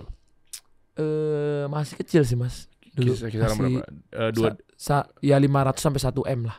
lima, Tapi kalau sama oke. sama bus-bus sama tempat mes ya 2 m lah. dua Masih miliar. murah, masih murah, Oke. masih murah. Dan itu sendiri masuk di sini Oh, berarti tapi kan pengeluaran per tahun berapa mas? Tim kayak gini menurut mas? wah nggak tahu berapa tuh. Uh, pengeluaran kayak tim kayak gini bisa minimal minimal 6 miliar per tahun. 6 miliar Minimal. minimal. Kalau misalnya karyawan mes. Misal mes, bus, beli bus dan lain-lain. Kalau misalnya eh, apa? Ada pemain asing, pelatih asing bisa sampai 10 miliar. Kalau ada Ricardinho Oh, makin naik belum makin tuh. naik. Enggak itu baru bulan bertahun-tahunannya Oh, loh. iya. Pengeluarannya loh belum valuasi nih kita ngomong. Iya. Kadang valuasi itu naik cuma buat balikin modal kita gitu. Nah, berarti eh, pakai pakai sponsor dong di baju. Pakai tapi gimana cara nutupinnya Mas buat segitu banyak kalau kayak kita datangin Ricardinho misalnya kita pengeluaran 15 atau 20 M. Mau gimana Mas nutupnya? Hmm, Nah, bisa itu karena kita pengen Ricardinho ini gimana bisa merubah futsal kita, mengupgrade anak-anak muda kita, Iya. membuat mental semua pemain yang ada di liga itu, uh kalian udah main sama pemain terbaik dunia. Jadi kalian semoga impactful ke timnas berikutnya. Kalian semoga terinspirasi dengan etos kerjanya dia, Wih. gimana dia eh saya ngelihat dia itu latihannya segila apa di umur 38 tahun. Lebih gila dari anak muda umur 17 tahun gitu loh. Eh, tuh. Akhirnya jadi contoh masa lu malu sih 17 Masa lu tahun. malu, Iya, iya. mas nggak malu gitu sama bapak-bapak datang pakai koloran ke lapangan, orang disiapin mobil malah lari dari apartemennya ke ke lapangan. Kalian aja masih naik bus, dia datang lari loh, lari dia ke sendiri ke dua lapangan satu jam sebelumnya pakai koloran nendang-nendang sendiri di cuaca yang dia nggak pernah rasa keringetannya kayak apa di indoor. Itu kan butuh Iya. mentalitas. Nah mentalitas ini yang pengen ditularkan ke pemain-pemain kita. Jadi one day misalnya futsal tiba-tiba maju, timnas maju, saya udah bangga. Dulu saya pernah datang ke Ricardinho, impactful buat anak-anak itu semangat sampai ke depannya. Itulah impactful buat negara gitu. Iya, nah itu tuh. Ya, kita doain lah mudah-mudahan ke depannya juga bisa Amin. Pendekar United. Tapi pernah tahu nggak masa depan futsal nih kayak gimana di Indonesia? Kok Belum yakin? tahu. Belum tahu. Gak ada yang tahu. Ya, kenapa tapi nggak bola besar? sekarang growth gate. Aku ada bola juga. Oh iya apa ya? Bekasi. Bekasi ya? Iya iya iya. iya. Tadinya aku eh, berdua sama Bang Putra Siregar, cuman Iya. sekarang in charge Bang Putra Siregar semua karena menurutku dia adalah leader yang baik untuk tim. Ini Iya, ada. iya, iya. Nah, ini FC Oh, iya. Bekasi. Nah, Oke. kalau bola ini kan berpartner aku. Eh, perputarannya oke, Eh, duitnya, bisnisnya. Susah dibilang juga. Bola tuh masuknya gede dari mana sih sponsor ya? Udah pasti ya brand ya? Gede dari brand. Brand ya pasti ya? Brand gede. Tapi segede-gedenya brand kalau kita pengeluaran pemain lebih gede, nggak akan. Tapi memang aku harus akuin di antara semua tim futsal yang lain, Pendekar United paling gede masih sponsor aku berani. Untuk klasemen? Untuk klasemen ya kita kemarin Big Four, Big Five gitu. Kita yang penting masuk papan atas aja lah. Hmm, iya, iya. Yang paling gede berarti dari 25 apa tak? Nih oh, di, di ujung obrolan kita nih. Tetap di production sih, Tetep ya. Karena bidangku kan emang Oh, dari agency. dulu agency, production house, kita bikinin iklan, bikin-bikin campaign-campaign brand. Terus brand itu kayak dari nol, saya baru dari dari brand datang nih. Mas saya pokoknya nggak punya follower masih nol, apa yang harus saya bikin dari kayak gitu? Dari kayak gitu diterima. Ada, ada, budgetnya ada nggak dia? Ada mas. Biasanya orang yang punya, yang udah punya pengen bikin brand itu gede gitu. Oh. Kalau brandnya masih nol ya mending saya bikin sendiri. iya, iya, iya. Dan dipaketin sama eh A- Ata seorang KOL-nya. ah, enggak, Enggak juga. enggak. Jadi saya nggak mau brand itu tergantung sama saya, saya nggak mau. Jadi dia biarin eh, kita yang nyariin KOL buat dia nanti salah satunya saya gitu. Ah, oke. gitu. Tapi eh, menurut saya itu bidang saya gitu gimana ngebrand. Karena saya dulu kan udah kebiasa ngebranding. Jadi ketika aku mau coba orang datang rebrand misalnya apa nih produk ini kah? Apa sarung nih? Mau nge-branding gimana? Apa langkah-langkahnya? Saya coba bikinin campaign-campaignnya. Dia mau campaignnya dari segi apa nih? Ada yang suka campaignnya itu. Yang penting orang tuh tahu sebanyak-banyaknya. Ada KPI-nya tuh naikin followers. Ada KPI-nya itu pelanggan. Ada KPI-nya itu kayak berapa mata sih yang bisa akan lihat. Beda-beda tuh kan setiap brand juga goalsnya. Hmm. ada yang goalsnya langsung omset. Ada brand nih bu omsetnya udah gede banget tapi udah punya saingan gimana dia bisa lebih terkenal dari saingannya gitu-gitu sih. Cara strateginya gimana tak sejauh ini? Ngasih tahu gimana caranya brand juga happy dan naik. Ini kan juga tips atau solusi buat Oke. kawan-kawan. Kalau aku sih ngerasanya gini ya, setiap Hmm. brand itu kita harus eh, cari dulu value-nya gitu. Oke. Value-nya dari brand itu karena kan menurutku orang akan beli bukan karena brand itu bagus doang. Ada brand itu value-nya udah terlalu tinggi, even bahannya jelek kita beli. Ya. Coba misalnya Supreme. Eh, Iya kan? Supreme itu kadang-kadang baju kaos ada di reseller 10 juta. Saya lihat bahannya ini biasa aja. Saya kita bisa bikin bahan kayak gini 500 ribu. Iya. Sejuta bisa bikin kok. Tempel aja ini Supreme gitu kan. iya iya iya iya. Tapi kenapa? Karena value-nya, Mas. Udah Berarti disuntik tinggi. dulu value-nya. Value itu di di di branding dia punya value segitu. Ah, Gitu, jadi oke. Menurutku kita harus cari dulu value. Nah, nyari value ini tuh ya bukan dengan kita cuma nyari follower. Value itu harus kita bikin gerakan, bikin Wih. hal-hal yang impactful buat orang dari yang branding kita pakai. Misalnya kita sponsor ke tim bola, tim futsal ini, brand nyari apa di sini? Value, Mas. value. Kenapa bervalue? Karena ini atlet, mereka itu kerja keras, Mas. Per orang atlet itu value, Mas. Karena mereka itu kerja keras, mereka itu berhabiskan waktunya bahkan ada yang nggak sekolah demi kejar mimpinya jadi ma- main bola, pemain futsal. Belum atlet-atlet yang lain, atlet renang itu banyak yang terkorban, Mas. Mereka punya fisik kayak gitu, mereka makanya Usain Bolt kan pernah bilang, Eh. kalian cuma lihat medali saya gitu. Gimana kalian lihat katanya kok 9 detik aja bisa menghasilkan berapa belas miliar tapi dia latihannya mungkin bukan 9 detik, mas 9 tahun dia buat Yes. kayak gitu. Itu value kan, Mas. Oh iya. 9 detiknya itu bervalue. Nih, Orang nggak bisa bilang, "Wih, gila ya, pelari itu 9 detik bisa ngasilin. Katanya tiap lomba itu brandnya pas lagi lomba itu aja udah bayar misalnya ratusan miliar. Nggak adil ya dunia. Gimana guru-guru di kampung sana? Misalnya gitu kan orang ngomong gitu. Bener mas bener. Eh, tapi value-nya dia bisa jadi Usain Bolt. Apa yang dia bikin gitu loh kerja mas? kerasnya latihan kerja kerasnya latihannya Dasar. mungkin hampir pati mungkin hampir pingsan mungkin masuk rumah sakitnya di Iya, iya. oksigennya itu sih mas value-nya dulu dikuatin menurutku marketing itu habis itu gitu Ah, ya ya. kadang-kadang orang kebalik mas marketing Percuma dulu digas, tapi begitu orang lihat kena call to actionnya, pas begitu dicek, taunya pandangan pertamanya itu nggak sesuai ekspektasi. betul Susah lagi tuh ngeri brandingnya tuh. susah Karena marketingnya dikedepanin duluan, belum Bener. disuntik brand, value-nya dan seterusnya. eh, kayak apa sih impactfulnya brand ini Hmm. untuk orang misalnya ya di kemudian hari itu akan ya nggak terlalu bagus sih mas menurut Terakhir tak mimpi apa lagi tak yang belum dicapai nih? oke Kepo nih gue. kalau ditanya mimpi terakhir nih, coba. Iya pengen lihat eh sampai anak saya menikah sih mas. ya ya ya ya. Eh, aku nggak mau Mudah-mudahan umurnya panjang ya, umurnya ya. panjang Iya, sampai iya. anakku nikah, sampai aku punya cucu gitu ya. Wih. Karena aku punya anak dua cewek, jadi aku punya tanggung jawab. Walaupun di dunia dan di akhiratnya dia Masya sampai dia Allah. menikah gitu seorang bapak kan apalagi dosanya nempel ke aku tuh mas dia jadi apa gitu kan Iya kan anak perempuan. anak ya. perempuan beda Iya. sama anak laki-laki dan aku dikaruniai dua jadi menurutku Masya Allah. Tambah lagi dong ya nanti ya. aku pengennya cowok mas habis ini tapi kalau dikasih cewek lagi aku tetap akan sangat bersyukur Uh. Karena memang harapanku dari awalnya cowok dapat cewek, awalnya cowok dapat cewek, tapi waktu aku lahir dua anak cewek ini aku ngerasa hidupku tuh kayak berbeda gitu, berbunga-bunga setiap hari.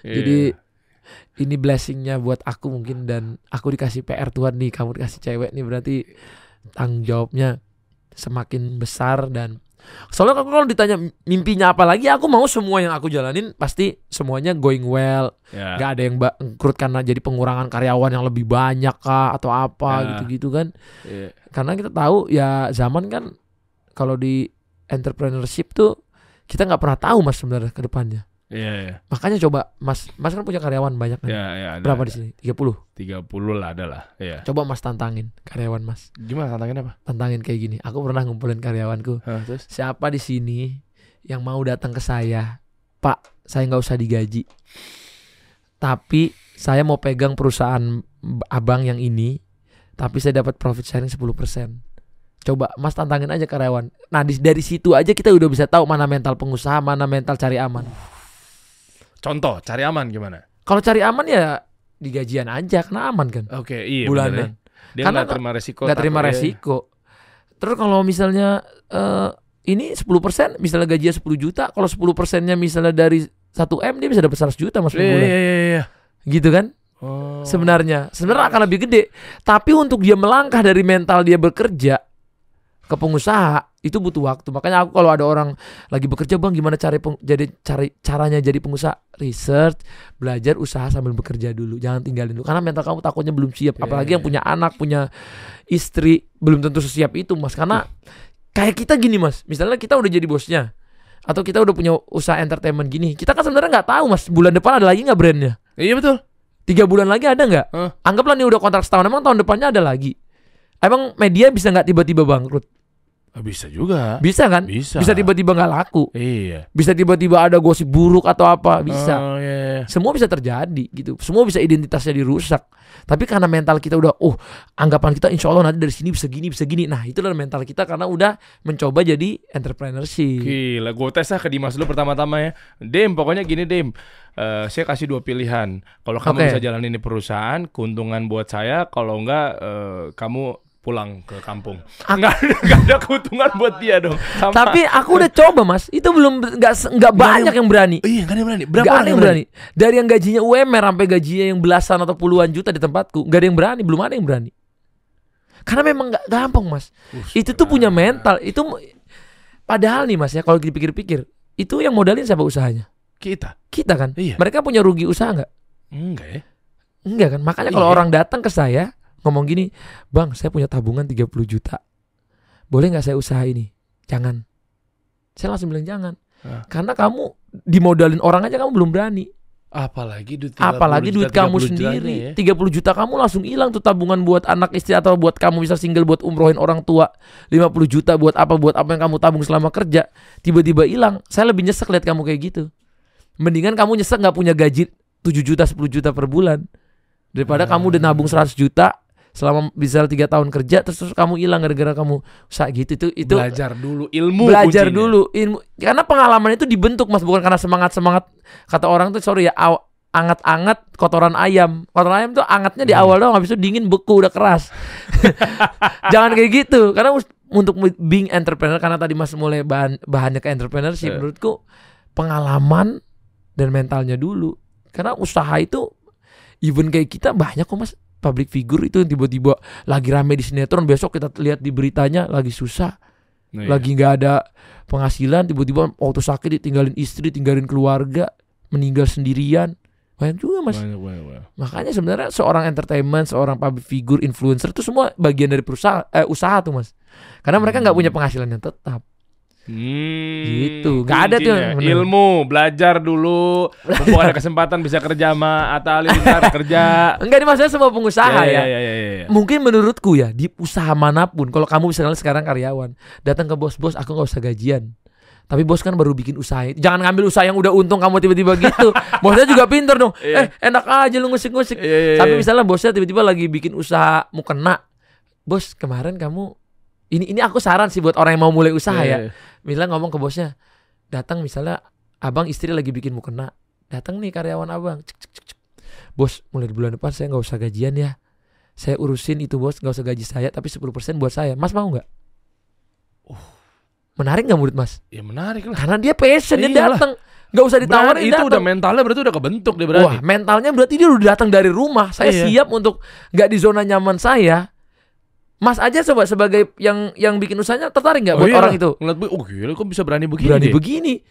Pegang Mas. Pasti gitu kan. Saya juga kalau ada Hmm. orang datang silakan Mas. Saya tambahin malah modalnya itu kan kemarin uang berputar 100, saya tambahin 200 lagi. Karena semangat kamu saya lihat kamu rela. Kayak gitu Mas. Gila. Menurutku itu hal yang cocok banget buat kita memulai bisnis. Karena kalau misalnya mau mulai kayak aku kemarin, kayak itu itu itu menurutku terlalu keras, Mas. Nggak mungkin di zaman sekarang juga orang bisa mengulangi itu lagi itu lagi gitu. dan kita belum tahu marketnya gimana Marketnya gimana dengan Iya. pasar yang sekarang online kayak terus gini. modal gitu. tinggal oh, uang tabungan tinggal 100 juta 100 jutanya Oh, terus lu Aduh. pakai semua. Menurutku sabar game. Iya. ya carilah ilmu. Makanya kalau ada orang bilang ada aku pernah deng- pernah dengar cerita dia eh, cuma jadi drivernya siapa gitu ya. oh iya banyak banyak Banyak kan? tiba-tiba dia Tahu nggak sih? sukses Tahu-tahu dia kaya banget bahkan Iya. lebih dari bosnya. iya Karena sebenarnya kalau kamu misalnya nih, Mas drivernya dia driver Mas itu belajar banyak hal dari Mas setiap hari. One day dia jadi orang berhasil. Karena dia langsung ilmunya dapat. Ini kan bukan ilmu yang belajar Mas di sekolah. iya Misalnya Mas dikasih solusi emang ada di sekolah kasih solusi. enggak ada Belajar ini kan nggak ada. Mas Iya. bikin agensi gitu. Ada nggak belajar di sekolah? Enggak ada Ya, itu belajarnya di hidup Mas. Jadi kalau orang yang udah belajar sama Mas intinya dia kayak misalnya dia kerja 4 tahun dia udah empat tahun kuliah. Asalkan dia niatin belajar sama Mas. Nah, banyak orang kerja sama seseorang tuh mindsetnya hanya duit kerja, oh saya mau gajian Kerja. bulan depan berapa mau naik dong bos nih. Coba dia mikirnya misalnya dia kerja sama orang yang menurut dia itu bisa jadi guru dia. Itu akan kerjanya lebih dari hati, bosnya juga ngegajinya lebih Wih. lebih seneng naikin salary-nya karena gue misalnya aku lihat nih orang dari hati dia mau maju setiap tahun masa dia tadinya kerjanya ini jadi ini banyak kok orang OB katanya jadi direktur di bank Oh iya, ya, Ahmad Ada. Saroni kan iya Bang Ahmad Saroni, iya driver eh maksudnya itu kan bukan nggak mungkin itu ceritanya ada loh di jalan di ada, di Dan dunia dia cerita bahwa memang selama dia jadi supir apa segala macam dia ngulik. Nah, itu tuh Ya. makanya harusnya nih editor-editor di luar sana termasuk editor saya dikasih solusi. Apalagi ada kesempatan kayak bisa lu kalau ngedit, Diki, hey. ngedit. Ya, sambil yang lainnya lah siapa bertugas buat ngedit gitu. ya. Jangan cuma ngedit, ini tuh saya Belajar. datangin narasumber tuh dipelajarin juga. Iya kan? Banyak loh yang kayak gitu gede belajar diem-diem. Ya kan? Banyak, ngedit. Dia banyak hal-hal yang memang seperti itu. banyak juga orang udah bisa ngedit Iya. sama eh, youtuber besar atau agensi besar tiba-tiba dia bikin PH kan bisa juga mas itu. dan kita juga sebenarnya seneng nggak marah kok dia pergi karena Eh. menurutku orang semua berhak berkembang gitu makanya aku di tempatku juga berhak kayak misalnya tadinya dia pegang sosmednya bagian magang naik sosmed utama kadang jadi sosmed ini terus Iya. jadi ini jadi PA ini PA ku dari magang awalnya di sosmed gitu naik naik naik Wih, siapa namanya? Nover Hah? Nover namanya Nover. Uh, keren. Nover tidak takut. Novir Oh, sorry. Nggak, maksudnya Sorry, itu sorry. itu itu kelihatan sih mas orang yang mau belajar terus tuh Tapi yakin panggil dia Nover kan nggak fair orang ya. Nover. oh makanya kamu nggak pernah adil ya ya. ya, ya, ya. Tapi gimana pun ke depannya, tak, gue cuma punya hadiah sama lo. Kan pasti kan ah, seorang Siap. Atta Halilintar kan juga pengen eh, sukses bisnisnya kan juga disertai dengan doa-doa yang luar Amin, biasa. ya Allah, amin. Nah, dengan adanya gue memberikan satu hadiah buat lo di sarung safir ini. terima kasih banyak Nah, hatur nuhun thank ya. you Mudah-mudahan kita juga bisa dapat eh, cipratan amalnya. amin ya kan? punya mas sendiri nih Enggak, ini punya orang. Oh, Itu iya. brandnya di sini. siap siap siap Sarung Thank safir, you. sarung tenun pilihan kita ya, sama-sama. Ya, kita tunggulah nanti gebrakan-gebrakan Atta Halilintar. Ya, Siap, eh, Allah. rumah pondok indah mana lagi yang mau diambil? Uh, gue nonton vlog lu tuh yang lu baru pertama kali pindah rumah baru, tetangga-tetangga. oh iya ya Datang, iya ada di rumah pondok indah tuh kan lu pas lagi mau masuk rumah di depan tetangga-tetangga, lu ngasih hadiah buat apa sih? Lu pas ada rumah oh baru. iya yang dulu ya Dulu. Iya, iya, iya. uh Iya. berarti mas penonton udah lama ya Oh saya eh, Atta Lover apa namanya? Gue udah lama, thank you. siap Tay. siap thank you Siap. sukses terus Sama-sama. Eh, kasih solusi sama-sama. Headband lo kok lu jarang lu pakai lagi? ah udah udah punya anak udah dicopot mas begitu brandingannya udah Oh, udah, udah enggak. selesai Terus sekarang jadinya nggak pakai begitu-begitu lagi? Enggak udah udah tanam rambut soalnya Oh Nanti gitu. rusak. Kita kasih solusi.